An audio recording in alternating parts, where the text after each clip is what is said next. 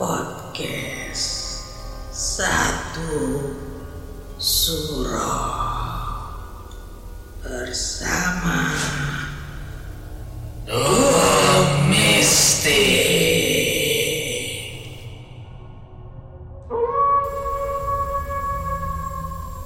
Assalamualaikum warahmatullahi wabarakatuh.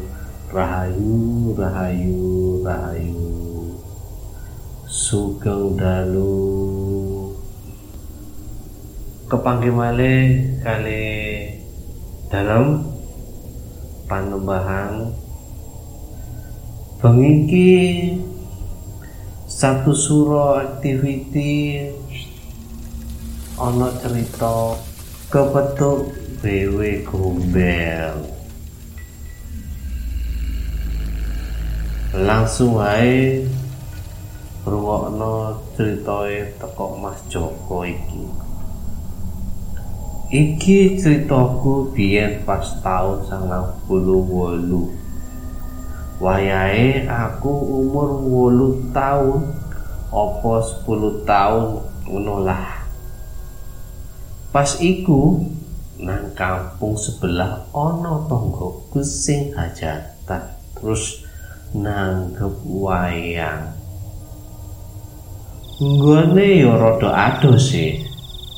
Kudu nglewati dalan sing kiwa tengene iku cek sawah kabeh. Dadi ya rada meteng pastimu. Ketepaan aku mbek adikku sing umur lima tahun iku ya senenge pol ambek nggon sing ana tanggepan wayang apa maneh sing akeh bakul dulinane? Eh pas wis. Awak dhewe akhire budal teko omah jam 6 bengi. Tutuk nggone kono ya langsung wae awak dhewe iki njujuk nang bakul dulinan. Mili-mili ana sing apik enggak akhire pas jam 8 bengi adikku ngejak mulih wis ngantuk jarene. Yo maklum lah yo yo. Bocah cilik soale yo wis lah akhirnya awak dewi mulih. Tapi pas nang tengah jalan iku pinggir sawah ana sak petak nggone sing ana sumur bore. Nggone gawe mesin diesel. Nggone iku rada angkel jarene sih tapi sik gurung tutuk sumur beriku kok ana langgar sing wis lawas ngono? Lah kok dilalah? Toko ado aku ketokan ana papat makhluk sing cangkrung ana kono. Tapi pas aku wis cedek nggone sumur bor iku mau. Kok moro-moro bubar padha ambiar bubar karepe dhewe. Sing loro mlebu nang kampung sing siji nyebrang nang kampung sebelah. Lah situ iki maneh iki kok boleh mlaku nyedeki aku. Terus mandek nang sumur bor untungnya aku kok ya nggak wedi belas mulai pas malam itu ngadep nang jitike sumur bor lah ono kali cilik ngono sih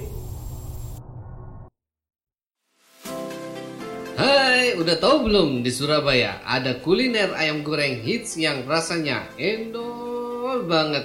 Kalian lagi mager aja nih di rumah karena khawatir untuk pergi ke mana-mana. Gak masalah, tinggal order aja di nomor WhatsApp 0878 549 25935. Beres deh. So, buruan ya pada nyobain, nggak bakal nyesel. Jangan lupa juga ya pantengin di Instagram @ayamgorengkarawaci Surabaya.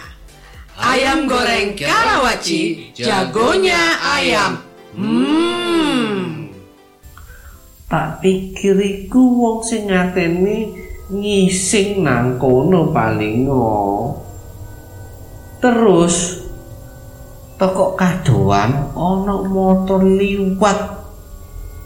Pas lakune nyentrong nang maluk iku mau. Pas aku kok yo nang sebelah persis. Tak tamat-tamat no kok ini ngawe-ngawe nang aku.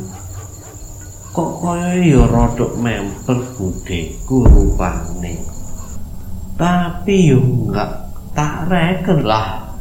Wong dhek iku mek ngawe-ngawe tok tapi yo blas gak ngomong karepe apa ngono iku pas iku bapakku asine wis ngerti tapi meneng ae. Gak cerita terus langsung gandeng awak dhewe mulai ambek melaku rodok cepat pas aku wis melaku pirang langkah ngono aku noleh maneh. Makhluk sing memper budeku mau iku wis ilang mbonangan di apa ngudu isor kali be yo? Ancen kebengi sing temenan kaya iku lah pas tutuk omah aku takon nang bapakku sapa sih iku mau sing ngawe-ngawe nang aku? Jare bapak yo iku jenenge wewe gombel barang alus sing senenge arek cilik terus nyamar dadi wong sing awake dhewe ku kenal wiwi wiwi mak jelep lagi nyadar terus merinding dewi rasane. Tibake iku mau wewe gombel tok tembelek kingkong wis iku ae ceritaku perkara demit yo dulur-dulur iku mau cerita teko Mas Joko dhek kepetuk wewe gombel Hati-hati sing duwe bocah cilik magrib-magrib ojo dulinan nang jopo nang sawah nang pekarangan sing akeh wit pringe apa nang alas. Yo wewe gombel iku senengane arek cilik sing dhewean. Yo hati-hati tinggo wong tuwa jaga anake sing tenang ngono wae cerita teko aku panembahan ojo lali kirim cerita-cerita mistismu nang satu suro activity emailnya sansuroi at gmail.com ngono ae dulur.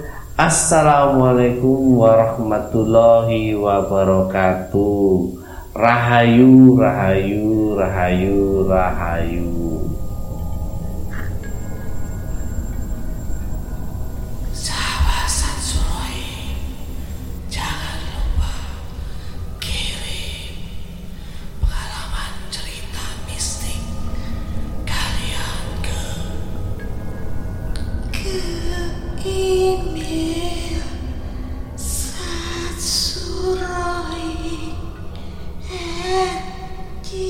Yeah.